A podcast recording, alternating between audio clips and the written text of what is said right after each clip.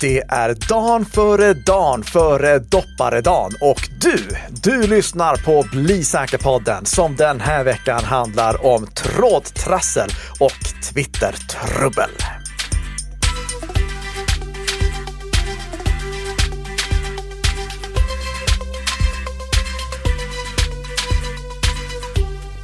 Varav inget vi vill ha under julgranen. Har du ätit din gröt här? Jag skulle inte få för mig att äta gröt överhuvudtaget. Vi gör alltid så att eh, min familj när de firar jul, eller när vi firar jul, de äter gröt klockan 12. Jag kommer efter klockan 12 så att det är avklarat.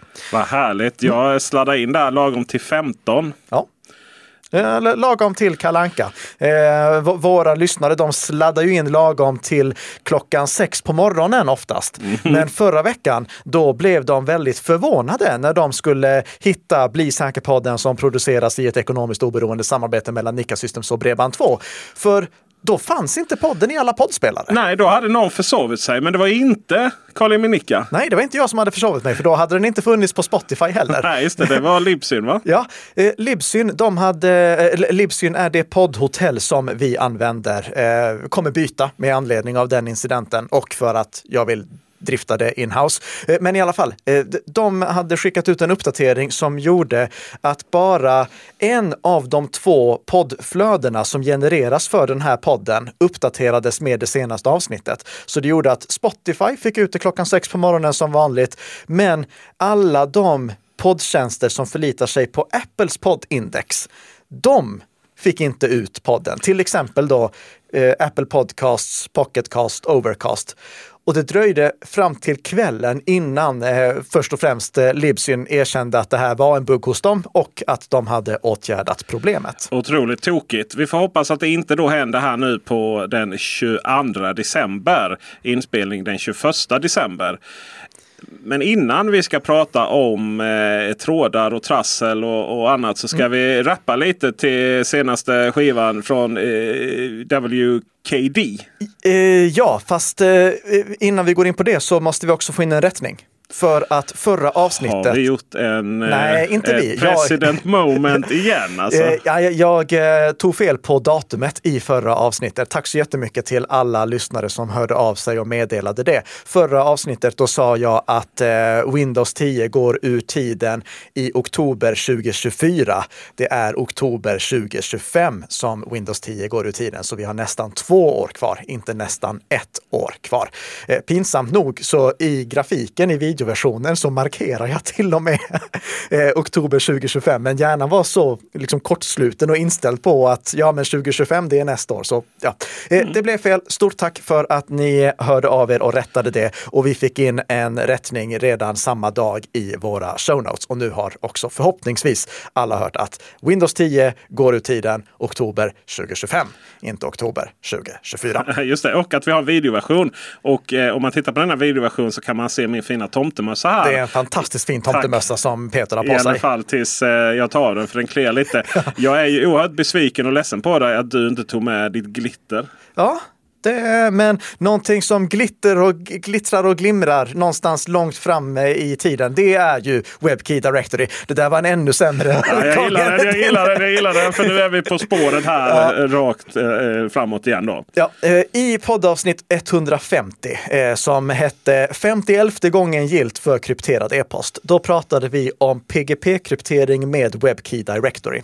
Och eh, PGP-kryptering är ju det sättet som vi har haft sedan 90-talet åtminstone, eh, för att eh, skicka mejl krypterat så att ingen som eh, får åtkomst till servern där de lagras eller avlyssnar kommunikationen kan se annat än vem som skickar mejlet, vem som tar emot mejlet, vilken tid det skickades och ämnesraden och storleken. Eh, Okej, okay, vad är det som läcker? Eh, sändare och mottagare och ämnesrad, det är det som läcker. Men det som är innehållet i mejlet, inklusive bilagor, det är krypterat så att ingen annan än avsändaren och mottagaren kan läsa det. Anledningen till att det här inte har slagit igenom på bred front är att det har varit väldigt oanvändarvänligt. Någonting som VKD, WKD, WebKey Directory löser. Eh, och det var det vi pratade om i det avsnittet om ni vill veta mer om detaljerna kring WebKey Directory. Vi lägger en länk till det i våra show notes som vanligt. WebKey Directory gör så att användare inte själva behöver hålla koll på nycklarna som ska användas för att kryptera och dekryptera meddelanden. Utan när jag som använder en WebKey Directory-kompatibel tjänst, ProtonMail, skickar ett mejl till en annan e-postadress som stöder WebKey Directory, då kommer min e-postklient automatiskt leta upp nyckeln för mottagaren och kryptera kryptera det mejlet utan att jag behöver tänka på det. Och det är ju det här vi måste komma till för att vi ska få stöd för krypterad e-post på bred front. Det måste vara lika lätt som att skriva in en e-postadress. Det får inte vara svårare än det, för då kommer användare inte använda det. Problemet är ju att det är inte jättemånga som har anammat WebKey Directory. Eh, vi har ProtonMail. Och det finns säkert någon till. Men om vi säger som så här, eh, om man kollar på listan över organisationer som själva har publicerat att de använder WebKey Directory, då står Nika Systems med som ett av dem, en av de organisationerna. Så ni förstår, det, det, det har inte liksom slagit på jättebred front. Men alla som använder ProtonMail, de har stöd för det. Och alla som använder eh, Mozilla eh, Thunderbird. De kan få stöd för det också, men det är inte lika smidigt i Mozilla Thunderbird, för där måste du manuellt välja att faktiskt söka upp nyckeln. Du behöver inte leta upp den själv, utan du måste bara klicka på att söka upp den. Hur som helst, det som vi behöver, det är att fler e-posttjänster anammar just WebKey Directory och PGP-kryptering. Och nu har en till e-posttjänst klivit in. Det är det här som gör mig så glad, för att om vi bara nu får fler att anamma det här, då kommer det här att bli en standard på samma sätt som allting annat i e-postsammanhang. Så att användare kan förvänta sig att men det här funkar helt automatiskt. Och de som har klivit in och valt att anamma samma VKD-standarden, det är faktiskt ganska oväntat Skiff. Eh, det finns ju många bra e-posttjänster. Vi brukar ofta prata om tre stycken, eh, Proton, Tuta och Skiff. Eh, Tuta, det var de som tidigare hette Tutanota. Och de här har inte, Proton, de har stött PGP hela tiden och VKD sedan det slog igenom slog igenom inom citationstecken. Eh, Tuta och Skiff, de har däremot varit eh, motståndare till det. De har inte velat använda PGP för att de tycker att PGP är för dåligt och de har istället förespråkat sina egna lösningar, vilket har varit helt onödigt för att de har bara fungerat inom respektive ekosystem. Och hur ofta är det en tuta-användare mejlar en annan tuta-användare eller en Skiff-användare eh, mejlar en annan Skiff-användare? Eh, eh, alltså, om de ändå använder samma plattform, då kan de ju lika gärna använda säkrare kommunikationssätt än e-post. Så för att vi ska få nyttan av krypterade mejl så måste det användas standardiserade lösningar och det finns just nu två stycken att välja mellan. Det finns PGP som är jättedålig och det finns S-MIME som är ännu sämre.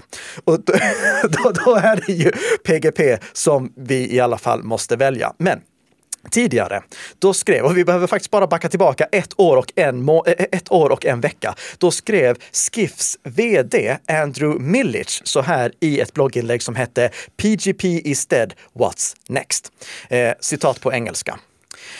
With only a few thousand users and major usability issues, it's time for PGP to end. More sophisticated encryption protocols, privacy protections such as forward secrecy, and client applications have made the protocol obsolete and impossible to use. Slutcitat. Alltså, eftersom det bara finns några tusen användare och det finns många eh, och det finns stora användarproblem, eh, användarvänlighetsproblem, så är det dags för PGP att sluta läggas ner. Och han poängterar att det finns betydligt bättre krypteringsprotokoll. Eh, det finns bättre krypterings eh, eller det finns bättre integritetsskydd som till exempel forward secrecy. Det vi har i till exempel Signal som gör att om du drabbas av ett intrång eller eh, din, någon av dina nycklar läcker så kan inte en angripare dekryptera det som har skickats fram till dess. Så är det inte med PGP. Om jag läcker min PGP-nyckel till dig Peter, eh, då kan du dekryptera alla mejl som har skickats till mig. Just det. Det har vi lärt oss i ett tidigare avsnitt här. Ja.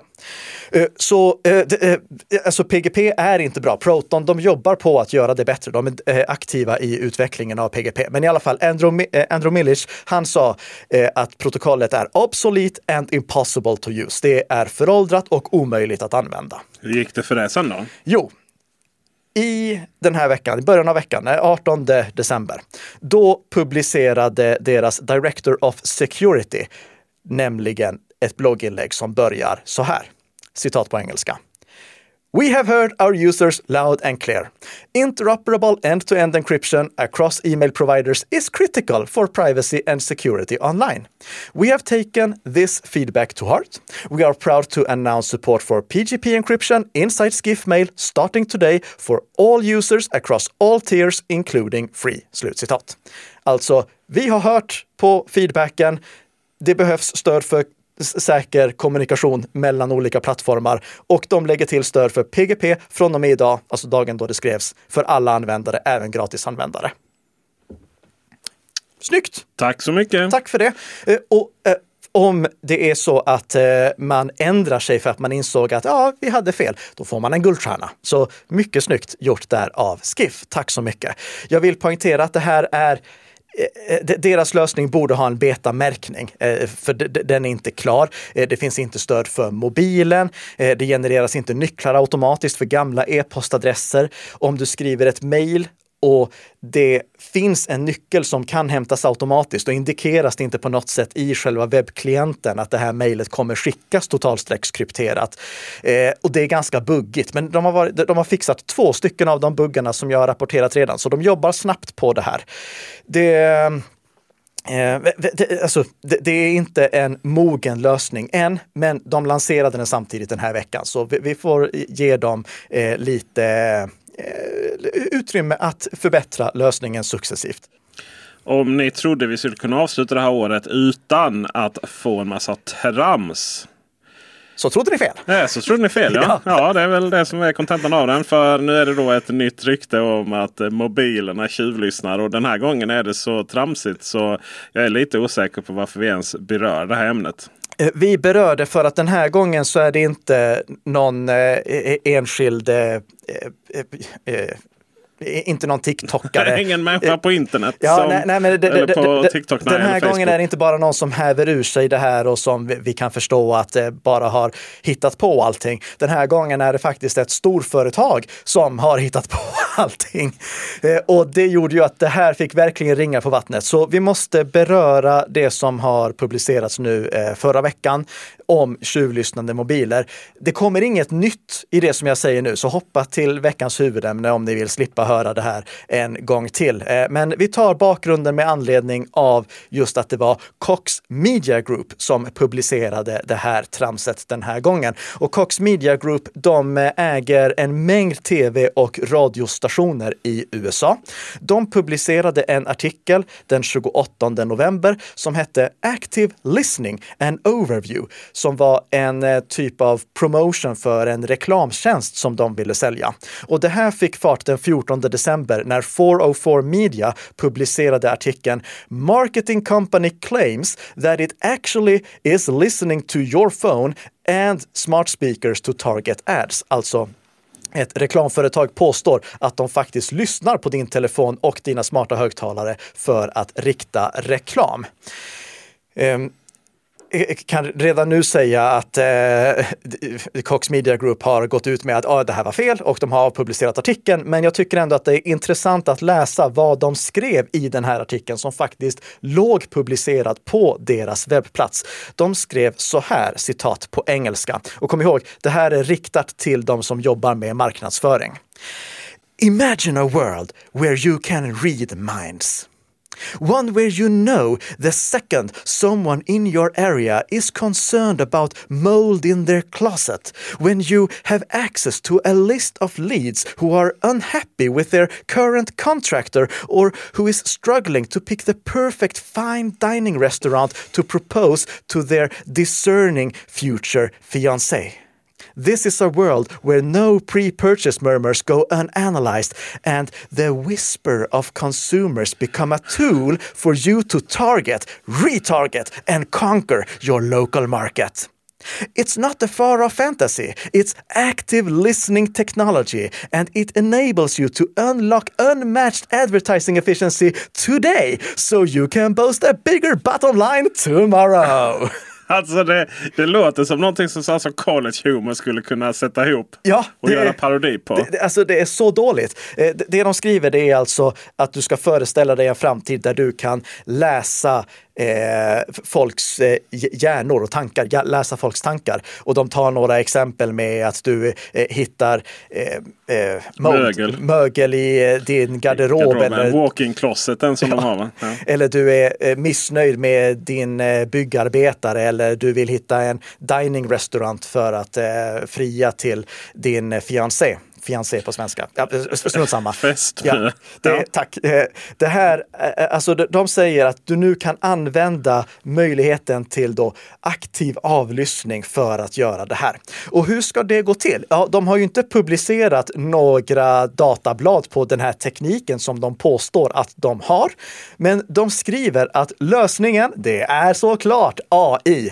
Citat. AI let us know when and what to tune into.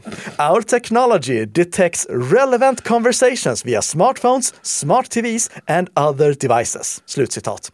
Ehm, vi vet att det är omöjligt att göra den här avlyssningen med mikrofoner utan att användaren är medveten om det för att användaren har godkänt det och ser ikonen att just nu så spelas det du säger in. Ni kan läsa den långa artikeln jag skrev om just det här där jag går igenom steg för steg varför det inte är möjligt för annonsörer att avlyssna dig via mobilen, varför det är tekniskt omöjligt. Med undantag då, tar upp ett undantag och det är ju de här statsunderstödda trojanerna. Eh, statsunderstödda trojaner så som till exempel Pegasus som kan användas för att infektera eh, de måltavlor som försvaret och underrättelsemyndigheter är intresserade av. Men jag vågar lova dig som lyssnar på den här podden att om du skulle vara infekterad med en statsunderstödd trojan, vilket för övrigt nu också Sverige får använda, då kommer inte svenska, eh, vad heter de, FRA, använda det, eller Säpo för den delen, använda den möjligheten för att kränga Big Mac-annonser för 39 spänn, utan de kommer använda det för någonting mycket, mycket mer relevant för sin undersökning. Eh, så vi vet, med mobilen så kan den här övervakningen inte ske. Det som de säger här däremot, som jag vill lyfta, och, och nu måste vi verkligen se till att det här blir kommunicerat rätt, så du, du får hjälpa mig att se till att det här inte kan misstolkas. Det som jag säger nu. De påstår i den här artikeln att det också görs via smart-tv-apparater och smarta hemprylar, att den avlyssningen kan ske därigenom. Är det tekniskt möjligt? Ja. Sker det? Vet inte. Troligtvis inte. Eh, alltså det kan finnas oseriösa prylar som, alltså om du liksom importerar egna billiga övervakningsprylar från Wish. Visst, det kan hända att det finns någon typ av spionverksamhet där i. Men liksom om vi pratar om de seriösa aktörerna, kommer de att göra det här? Nej, det kommer de inte göra. Eh, Amazon säger i en kommentar till 404 Media att citat, “The advertising product being described would not be possible with echo devices. We do not share voice recordings with third parties.” Så slutcitat. Så eh, eh, Amazon säger att deras sådana här Alak- eh, att säga- Alexa? Nej, det får vi inte säga. Jo, det är ingen som har det i Sverige. Ja, Okej. Eh, de, de, får, de används inte för att eh, förse de här Cox Media Group med den informationen. Och Cox Media Group säger själva också i en kommentar till 404 Media att citat CMG businesses do not listen to any conversations or have any access to anything beyond a third party aggregated, anonymized, and fully encrypted dataset that can be used for ad placement. We regret any confusion and we are committed to ensuring our marketing is clear and transparent. Slutcitat. Alltså att de inte har tillgång till, eh, förlåt, att CMG Businesses som då är de här Cox Media Group, de lyssnar inte på konversationer och de har inte tillgång till någonting förutom tredjepartsaggregerad, anonymiserad och fullt krypterad data som kan användas för riktad reklam. Och de ber om ursäkt för förvirran, förvirringen. Ja, förvirringen. Ja. Ja. Jag undrar var den kommer ifrån, den förvirringen. Ja, eh, det beror på att ni bara, alltså, det, eh, antingen så har de bara hittat på allting rakt upp och ner. Eller så har de trott att Ja, eh, vi kan beskriva det på det här sättet eftersom om någon gör sökningar med till exempel Google efter att ha triggat röstassistenten, då är det någonting som vi skulle kunna väga in. För röstassistenten, om du söker på Google via din röst så är det precis som om du gör en sökning via datorn eller via mobilen. Eh, eh alltså, det är de två jag kan komma att tänka på. Antingen har de bara hittat på allt vilket skulle kunna förklara att det finns massa stavfel också. Eller så har de eh, bara missförstått vad det är de egentligen har tillgång till. Men de har avpublicerat artikeln, de ber om ursäkt för förvirringen som de orsakade och i den här ursäkten så ljuger de dessutom, för de säger att eh, den här datan är fully encrypted data, vilket den per definition inte kan vara, för att om den skulle vara fully encrypted eh, ja, och om den är krypterad så att ni har nyckeln, då spelar det ju ingen roll oavsett vad. Eh, så allt det här är bara ett enda stort blä.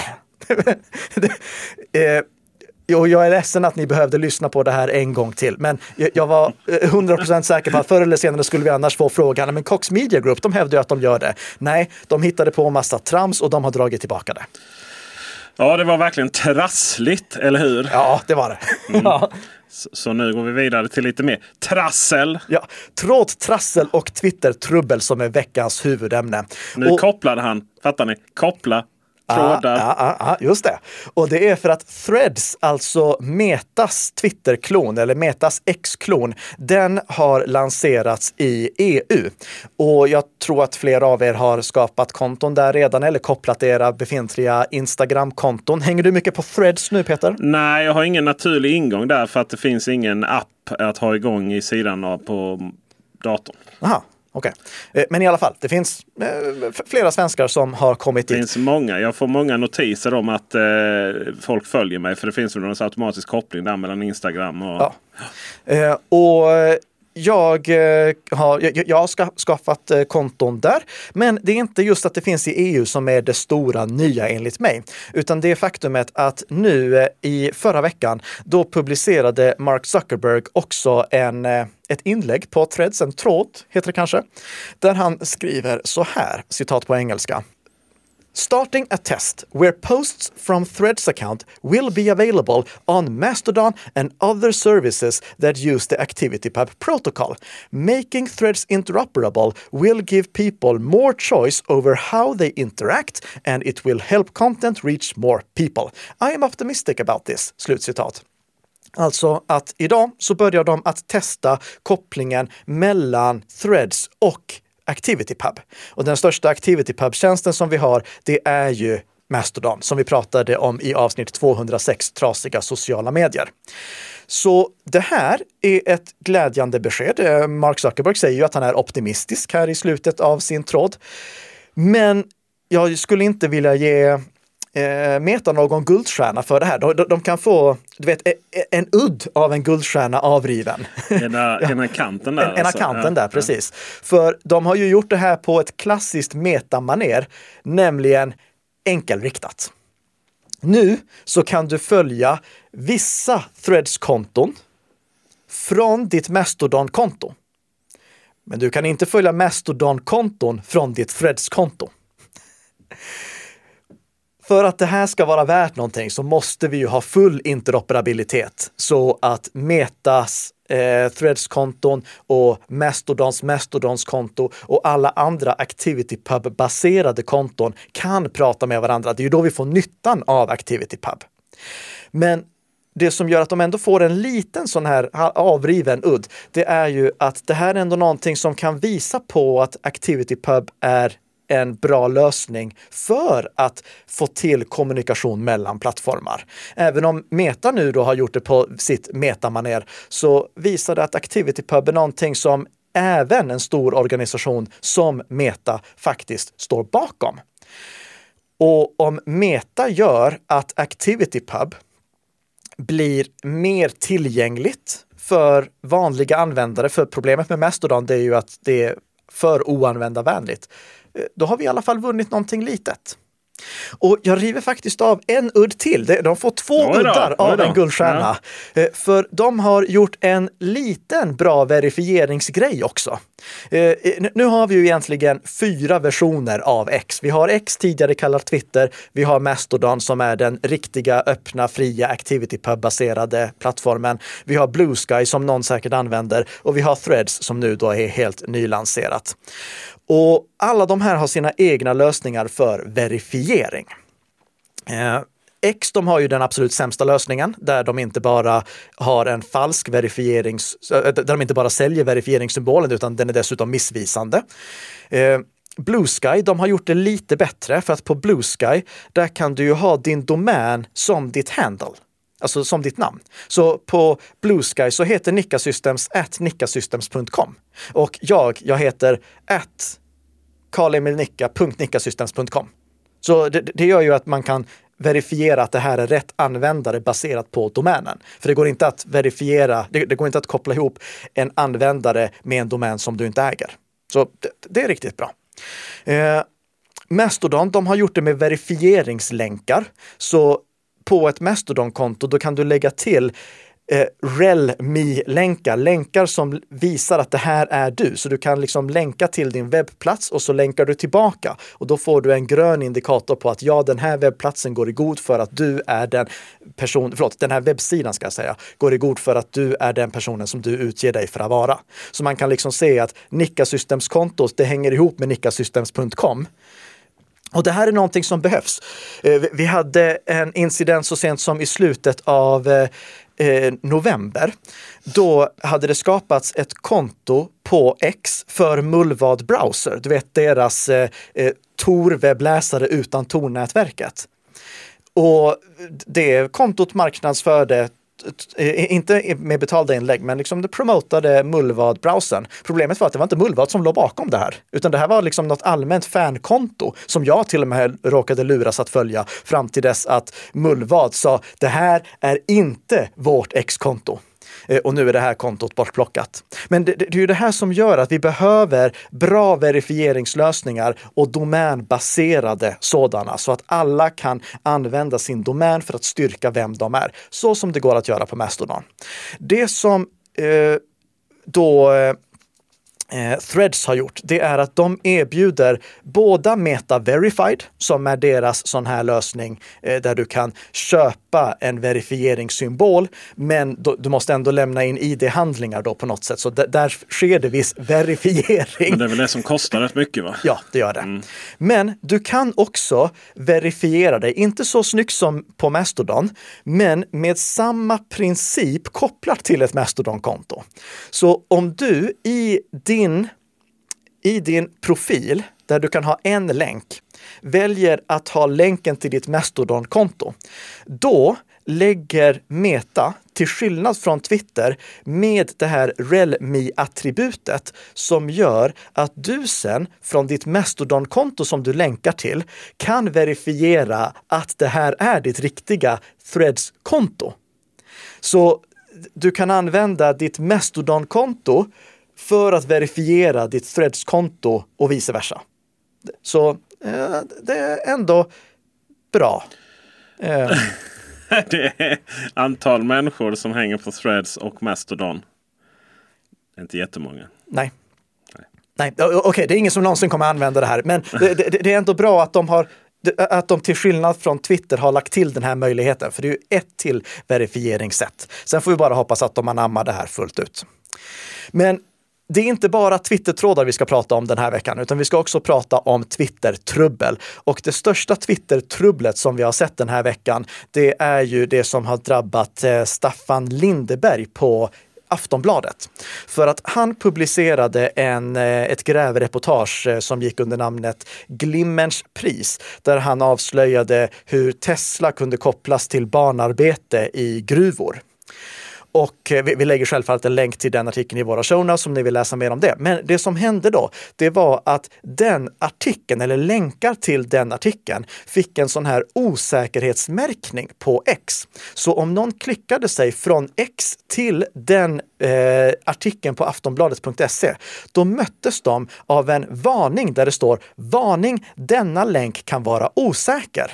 Och så poängterade X i den här varningen att det skulle kunna vara en skada skadlig länk som försöker stjäla personuppgifter eller en spamartad länk eller någonting som innehöll våldsamt eller vilseledande innehåll. Längst ner fanns det två alternativ. En stor knapp där det stod tillbaka till föregående sida eller en liten länk där det stod strunta i den här varningen och fortsätt. Och varför är det här kontroversiellt, Peter? Ja, om du då kritiserar Tesla som, som Elon Musk styr och ställer i. Eh, så blir du alltså då automatiskt eh, får en varning då på X. Av, som också då ägs av Elon Musk. Eh, och sådana Ja, det, nu ska ju läggas till att det här är en, eh, det, det, här är inte någonting som sker på alla artiklar som kritiserar Tesla. Och Sådana teorier finns det gott om. Men eh, vi har ju en annan tes, eller hur? För att eh, det här är ju, hade det varit så att alla artiklar som kritiserade Tesla hade fått sig en varning på X. Så hade det ju var och varannan eh, artikel på X haft en säkerhetsvarning då. Va? Ja. Så antagligen så är det inte riktigt så utstuderat Nej. kanske.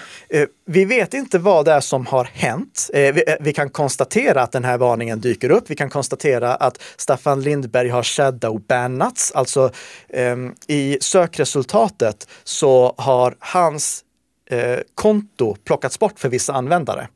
Det, ehm, Ehm, alltså när du söker? Precis, ja. det, det, det, går fortfarande för alla, det gick fortfarande för alla användare att hitta honom genom att liksom skriva in adressen till hans Twitterkonto. Men många användare, inklusive jag och även eh, Emil Hellerud på TV4 Kalla fakta, när vi skulle söka efter hans namn, då fick vi inte upp honom i sökresultatet. Det här är alltså exakt samma sak som hände med Danny eh, Mekic med reservation för uttalet. Han som var först med att avslöja när eh, EU-kommissionen eh, publicerade den här desinformationskampanjen om chattkontroll 2.0, där de hade valt specifika måltavlor på ett sätt som troligtvis inte ens är tillåtet. Så eh, alltså inte bara att sprida desinformation är en sak, men att de till och med använde metoder för att sprida det här som inte var tillåtet. Han blev också shadowbannad, så han gick inte heller att hitta i sökresultatet för vissa användare. Men det, det mest sannolika här i min mening, det är att när, när eh, Staffan Lindberg publicerade den här artikeln, då var det ett gäng Elon Musk-fanboys som ja. blev sura. De kan bli rätt arga kan jag säga. Ja. Och de rapporterade då den här artikeln väldigt många gånger. Vilket då troligtvis fick Twitters automat X, ska jag säga, X automatiska granskningssystem att tro att det här var någon typ av skadlig länk. Och för att minimera spridningen så valde de att då först och främst lägga till den här varningen och att inte visa just den som ursprungligen publicerade den här artikeln lika mycket. Och det här är ju en reaktion som är hälsosam för att minska spridningen av skadliga eh, länkar eh, eller eh, webbsidor med skadligt innehåll ska jag säga. Eh, eller bedrägligt innehåll eller vilseledande information. Det är ju bra att Twitter har den här funktionen för att minimera spridningen. Problemet här är ju att de då inte har modererat det här korrekt, att de inte har haft resurserna att faktiskt sen liksom fem minuter efter att den här eh, varningen har slagit in, granska vad är det som har hänt här? Eh, både X och Tesla, de har ingen kommunikationsavdelning där journalister kan ringa och fråga och de kan få ett svar. Ja, men det är det som har hänt och då är det bara kvar till spekulationer. Ja. Och i slutändan så vet jag inte om det spelar någon roll om det är aktivt då som jag är helt övertygad om att det inte finns något aktivt ställningstagande från någon på X då som har sagt att den här artikeln gillar vi inte för den är negativ mot Tesla. Eh, jag är helt övertygad om att det är så. Men det spelar egentligen ingen roll. För att konsekvensen är ju densamma. Mm. Det här passiva, det här att inte lösa det här skapar ju den här konsekvensen. Ja.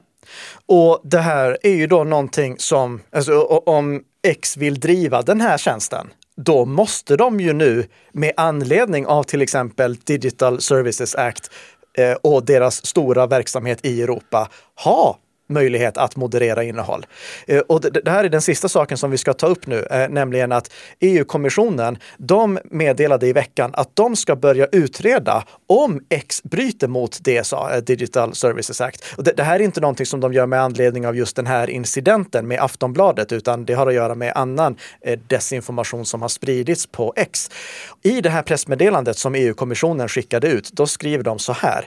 EU-kommissionen har inlett ett formellt förfarande för att bedöma om X kan ha brutit mot förordningen om digitala tjänster, DSA, i fråga om riskhantering, innehållsmoderering, mörka mönster, transparens vad gäller annonsering samt åtkomst till data för forskare. Och det där var ett citat som där är slut. Sen kan jag ju säga att det är väldigt komiskt att det är EU-kommissionen som gör den här granskningen. För nu ska de ju då egentligen granska sig själva också när de använder X för att ett, sprida uppenbar desinformation och två, göra det på ett sätt som inte ens var tillåtet. Troligtvis inte ens var tillåtet. Ja, vem granskar granskarna är ju den ständiga frågan. va? Mm. Men EU-kommissionen är ju stor, så jag förstår det är olika delar som säkert gör det här. Det som gjorde mig så här lite avslutande glad, det var att det längst eh, ned i listan över eh, frågorna som eh, det här förfarandet kommer fokusera på, då står det att de kommer fokusera på citat misstänkt vilseledande utformning av användargränssnittet, i synnerhet när det gäller de blå bockar som är kopplade till vissa prenumerationsprodukter. Mm. Slutcitat. en och, liten käpphäst du har. Ja, nej, men jag, jag, är så irriterad över att de valde att byta mening och fortsätta verkligen att vilseleda folket med vad den där bocken betyder. Eh, men vi ska inte prata om eh, några blå bockar med. Vi ska möjligtvis prata om julbockar, för nu mina kära vänner, är det dags att fira jul. Mm. och eh, jag hoppas att ni får en riktigt eh, god sådan och eh, in, in, vi ska se, vi hinner ett avsnitt till i år. Absolut. Det gör vi. Så Absolut. vi är tillbaka nästa vecka med ett nytt avsnitt av Bli säker-podden som gör dig lite säkrare och kanske lite juligare också för varje vecka som går. God jul!